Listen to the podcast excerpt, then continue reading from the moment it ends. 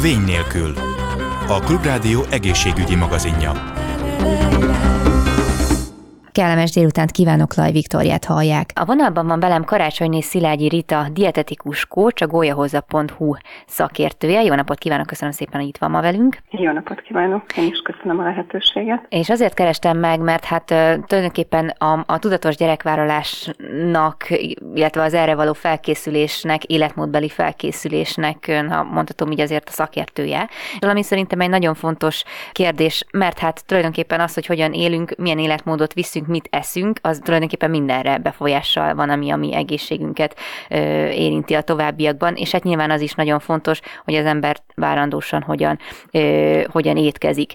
Mikor igazából, amikor ter- tervezett teherbeesésről beszélünk, akkor ön szerint mikor érdemes megkezdenie az erre való felkészülést, illetve mit jelent az pontosan, hogy az ember az élet táplálkozásában, életmódjában erre elkezdi magát felkészíteni? Igen, én úgy gondolom, hogy amikor így felmerül az, hogy, hogy valaki babát szeretne, vagy ugye egy pár babát szeretne, akkor mindenképpen ez lenne az első, amire gondolni kellene. Ideális esetben minimum három hónap az, amire uh-huh. szüksége van a szervezetünknek ahhoz, hogy egy, egy olyan jellegű pozitív változást érjünk el, hogy egy picit egészségesebb testösszetétellel rendelkezzünk. Ugye az életmódhoz nem csak az étkezés tartozik hozzá, nyilván ugye dietetikusként ez a fő profilom, de azért a, az egészséges életmódnak ugyanúgy része a testmozgás, a stresszkezelési technikáknak az elsajátítása, vagy például az, hogy mondjuk mennyit alszunk, ez mind-mind uh-huh. tudja befolyásolni az egészségünket, és hát ezáltal azt is, hogy mennyire lesz sikeres majd a gyermekvállalás. Uh-huh. Sokan igazából szerintem odáig jutnak el, hogyha mondjuk akár kiderül, hogy, hogy terbeestek, vagy picit azért előre gondolkodtak, hogy mondjuk igen, leteszi a, nem tudom, a cigarettet, hogyha alapjáraton ugye ő dohányos volt, leteszi az alkoholt, de hogy nagyjából így ennyi ez a változtatás. Tehát én, nekem nagyon sok ismerősöm van, aki ugyanúgy folyt, tehát nem sokat változtatott a, a diétáján mondjuk így, hanem ugyanazokat megettem, mit tudom én, szénsavas üdítőket, kólát, édességeket, és hát azt nem tudom pontosan, hogy milyen mértékben, de hogy ezeken a szokásokon nem volt hajlandó például változtatni. Hogy ön szerint ezekből mondjuk mennyi fér bele, vagy ha egyáltalán ez belefér? Én úgy gondolom, hogy valamilyen mértékben belefér. Én az arany középútnak a híve vagyok, tehát a nagyon szélsőséges változtatás az. Én úgy uh-huh. gondolom, hogy sokszor inkább frusztráló lehet Igen. a párok számára, vagy akár a lendő anyukák számára, tehát semmiképpen nem érdemes drasztikusan és hirtelen változtatni. Pontosan ezért jó, hogyha időben elkezdjük ezt, és picit lépésről lépésre haladunk, egy picit rendszeresebb életmódot tudunk, vagy akarunk majd kialakítani, remélhetőleg azért ez elég motiváció az, hogy valaki gyermeket akar. Tapasztalatom az, hogy, hogy a gyermekáldást azt nyilván egy természetes lehetőségként, folyamatként fogadjuk el, csak amikor már jó pár hónap eltelik, és még mindig nem jön az a gyermek, még mindig nincs ott az a kívánt terhesség, akkor kezdünk el talán észbe kapni, hogy hát akkor lehet, hogy valamit nem jól csinálunk, vagy, hmm. vagy valami probléma van.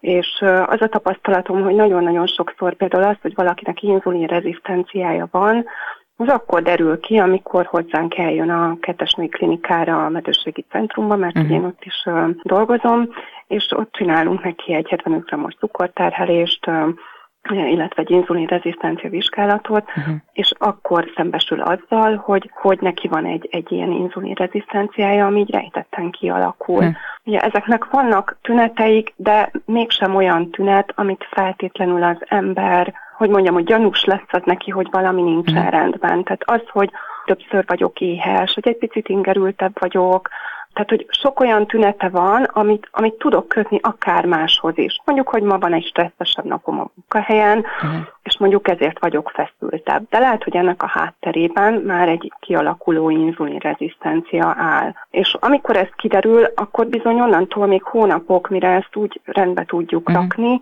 és egy tényleg kemény életmódváltással, hogy utána akár egy spontán teherbeesés, vagy nyilván, hogyha esetleg ugye kiderül más probléma is, akkor, akkor egy lombik program vagy inszeminációs program el tud indulni. Uh-huh. Mert hogy az inzulin rezisztencia az az egyik fő akadálya egyébként tapasztalataim szerint annak, hogy, hogy valaki akár nem tud fogyni. Nyilván a túlsúly, meg ugye egyéb más krónikus betegségeket is be tud hozni, és ezek mind-mind nehezíteni fogják a teherbesést, illetve magát terhességnek a megtartását is. Uh-huh.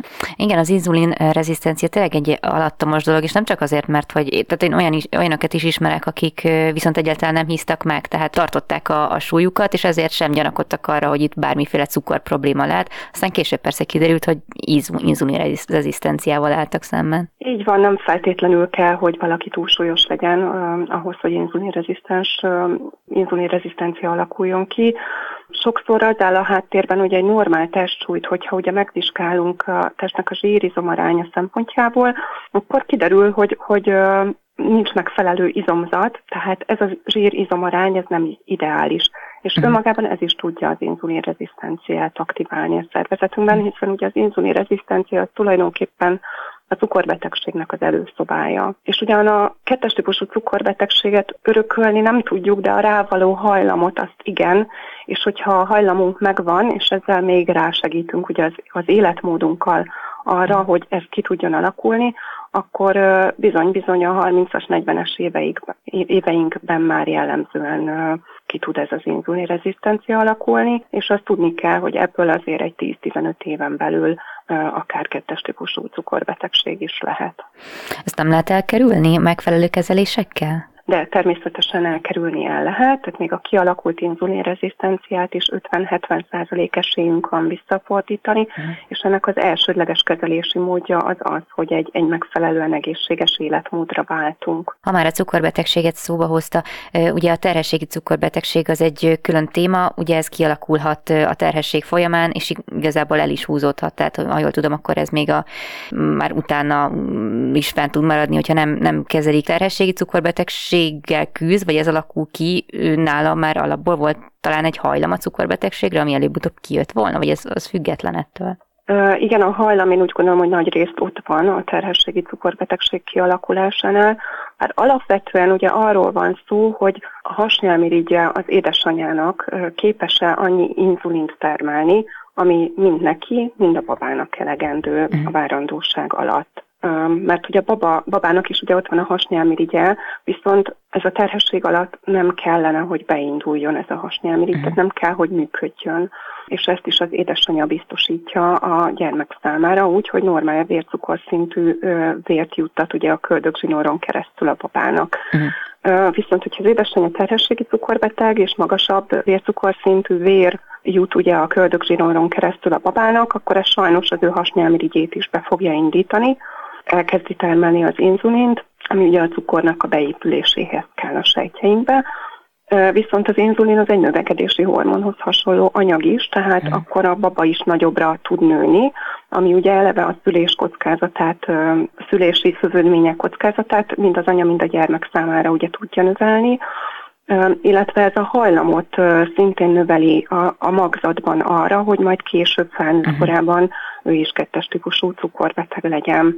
Uh-huh. Úgyhogy ezért nagyon fontos a terhességi cukorbetegségnek a, a szűrése és a megfelelő kezelése. Megelőzni egyébként étrendel ezt lehet? Én úgy gondolom, hogy valamennyire tudjuk ezt befolyásolni, de nyilván genetikai hajlam azért az ott van a szervezetünkben akkor, amikor kialakul a terhességi cukorbetegség, de ez terhesség és terhesség között is lehet különbség, erre a saját példámat tudom felhozni. Én például a az első várandóságomnál hát ilyen határeset voltam, terhességi mhm. cukorbeteg közeli állapotban, és én erre akkor diétáztam is, nyilván megelőzésképpen, viszont a másik két terhességemnél már nem volt terhességi cukorbetegségem. Hm.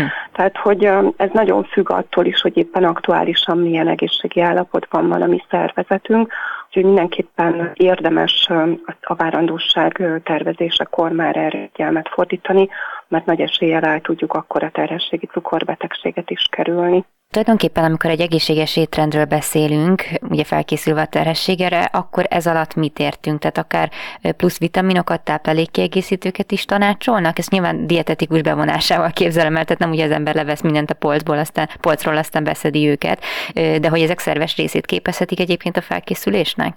Igen, én úgy gondolom, hogy mindenképpen hiteles információkhoz nyilván nem csak dietetikusról, hanem a védőnőnktől vagy a nőgyógyászunktól is juthatunk.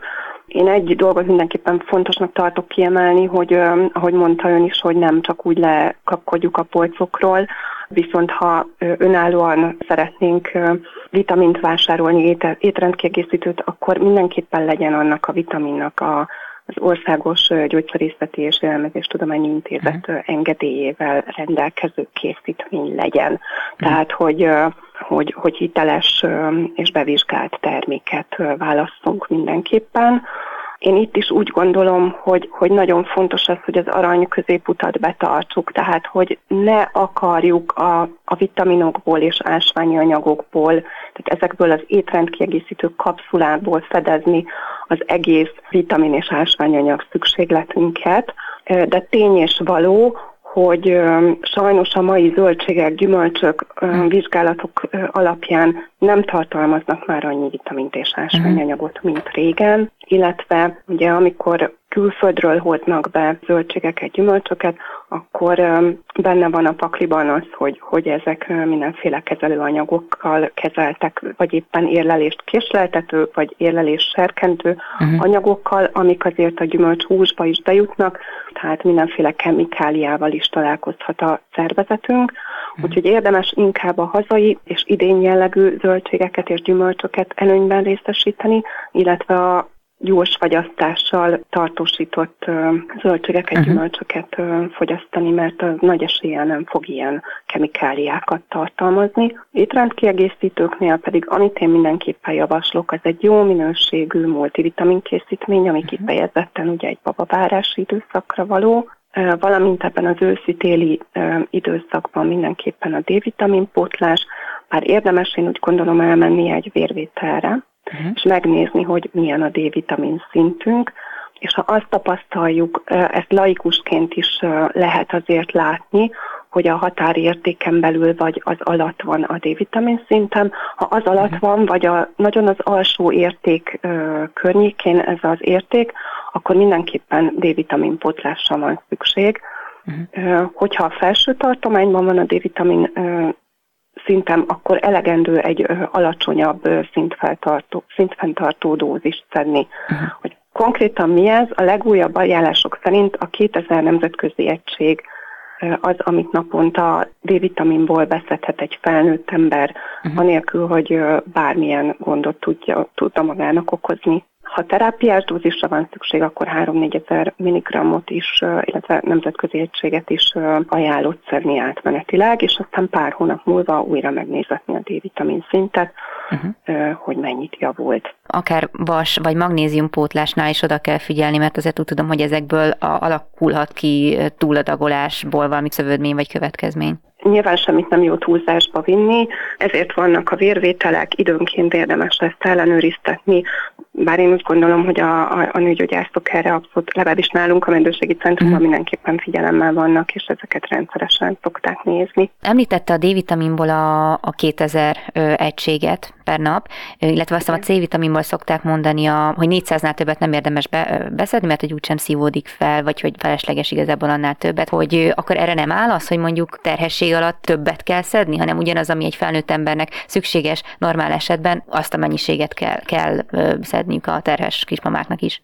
Általában ezekben a multivitamin készítményekben elegendő van ezekből, ezért érdemes a D-vitamin szintet mindenképpen megnézetni, hogy ha ez nem elég, akkor még pluszban ugye emelt szintű terápiás adagot lehet szedni, de ez mindenképpen csak kúraszerűen, tehát átmenetileg.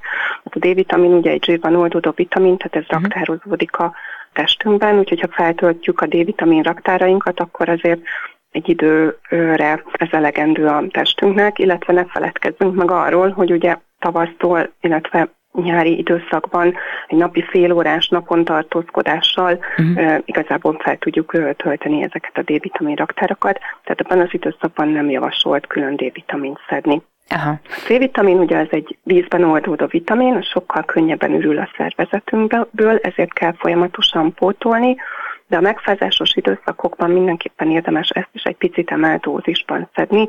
Úgy gondolom, hogy az 1000 mg-mal senki nem lőhet mellé, tehát hogyha uh-huh. főleg a környezetemben vannak megfázásos esetek, és sajnos ugye most ebben a járványos időszakban ez elég gyakran előfordul, akkor a, akár a napi 1000 mg-ot is érdemes bevenni. De én azt tanácsolom, hogy ne egyszerre vegyük be, tehát mondjuk akkor reggel és este vegyünk inkább két-két 500 mg-osat be, mert nagyobb eséllyel tudja a szervezet hasznosítani. Ha már itt említettük egy picit ezt, hogy nem feltétlenül van ebből szükség, vagy szükség többre várandóság alatt, mint alapesetben, hogy viszont az egy másik, hogy mondjam, mondás, hogy én most kettő helyet teszem, sokkal többet kívánom, vagy nagyon megváltozik mondjuk az ember ízlése a terhesség alatt. De mondjuk az, hogy tényleg többet vesz magához az ember, mert egyszerűen többet kíván, vagy csak a szeme kívánja, vagy nem tudom, ez megalapozott-e? Hát ez már régen megdőlt, kettő helyet teszem mondás. De azért még hivatkoznak igen, rá. Igen, igen, még sokat lehet hallani, ez így van, de Nyilván ugye az a pici baba, aki bennünk növekszik, és a pár grammostól a 3-4 kilóig nő maximum a mi testünkbe, azért az nem egyenértékű egy 70 kilós, 60-70 kilós felnőtt nővel. Valóban. Tehát már ugye, ha ezt a részét nézzük, akkor is logikus, hogy nem kell annyit tennünk, mint hogyha kettő, ketten lennénk. Az ideális testsúly gyarapodás az egy olyan 10-12 kiló körülbelül a, a várandóság alatt, uh-huh. de hangsúlyoznám, hogy az ideális testsúlyról indulva. Tehát, hogy hogyha valaki uh-huh. túlsúlyos, akkor ettől kevesebb hízás is pontosan elég. A papa nem fog éhezni, ő mindig elveszi egyébként, amire neki szüksége van. Így van, tehát ö, legfeljebb mi fogyunk egy pár kilót, és éppen nem ö, a kiindulási súlyjal fogunk majd rendelkezni a, a várandóság végével, hanem egy pár kilóval könnyebben, de azt utána azért, ha szükséges, vissza lehet pótolni. Uh-huh. Általában olyan 300 kalória egyébként az, ami a várandóság alatt úgy átlagosan szükséges egy, egy kismamának pluszban az előtte lévő étkezéséhez képest. Ez szoptatásnál egy picit tovább nő, ott olyan 500 kalóriára van nagyjából szükség a szoptatásnál is ugyebár fontos, hogy megtartsuk ezeket a jó szokásokat, mondjuk amit ideális esetben kialakítottunk ugye a, a terhességet megelőzően, vagy a várandóság alatt. Mi, mi az összefüggés a, a mi étrendünk és a szoptatás és a baba egészségi állapotok között? Sok dolgot befolyásolhatunk, akár a szoptatással, vagy akár azzal, ami milyen életmódot viszünk, megelőzhetjük, hogy túlsúly alakuljon ki a babánál, megelőzhetünk egy csomó betegséget, ami mondjuk egy korán abba hagyott szoptatást táplálkozással, vagy nem tudom, egy rossz táplálkozással ugye kialakulna. Így van, ez mindenképpen igaz.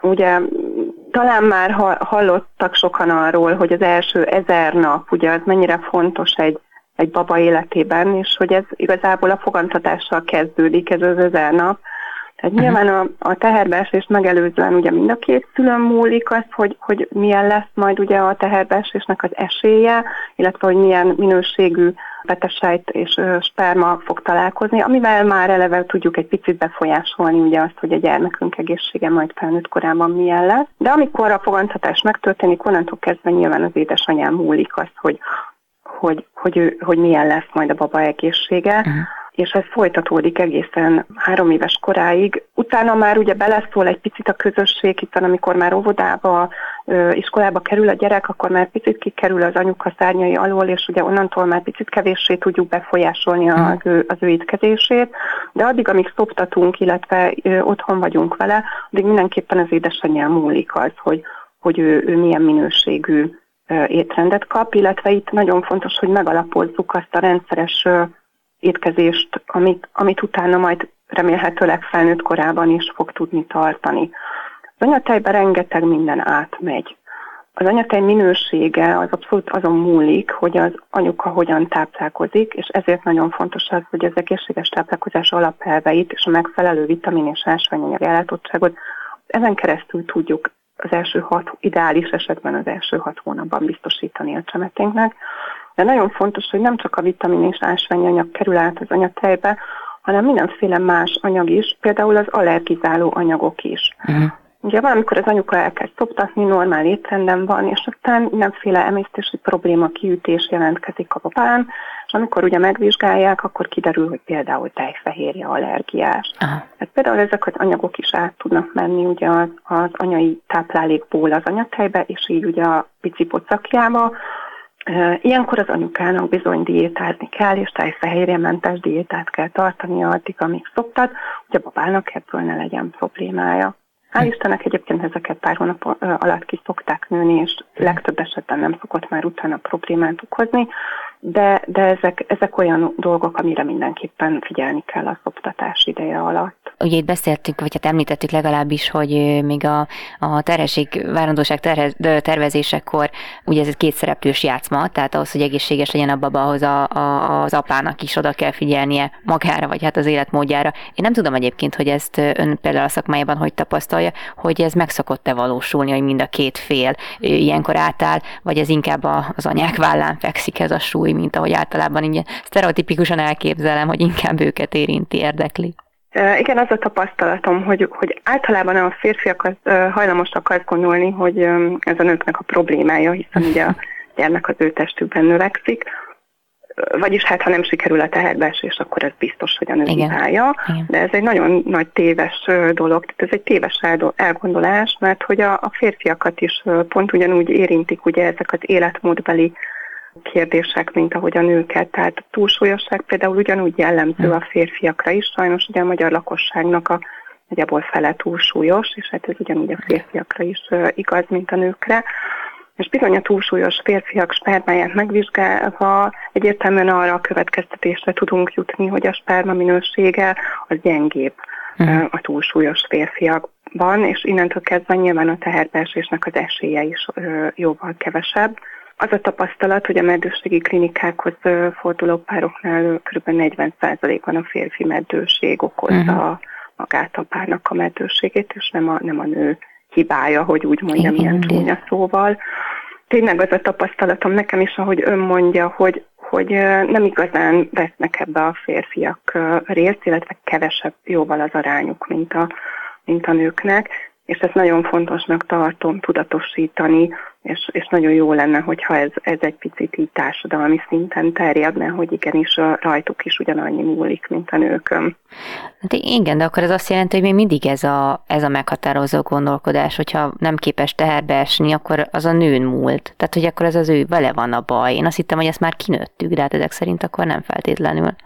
Sajnos nekem is az a tapasztalatom, hogy, hogy, hogy nem. Hát akkor most már pedig ideje volna, de talán, talán egy kicsit most ez mi is hozzájárultunk, és nagyon szépen köszönöm a beszélgetést Karácsonyné Szilágyi Ritának, dietetikus kócs és a gólyapozza.hu szakértője volt a vendégem. Köszönöm szépen még egyszer. Én is nagyon köszönöm. Ezzel pedig a műsor végéhez értünk. Köszönöm a figyelmüket, további kellemes rádióhallgatást kívánok. Laj Viktoriát hallották, viszont hallásra. Vény nélkül. A Klubrádió egészségügyi magazinját hallották. Egészségükre!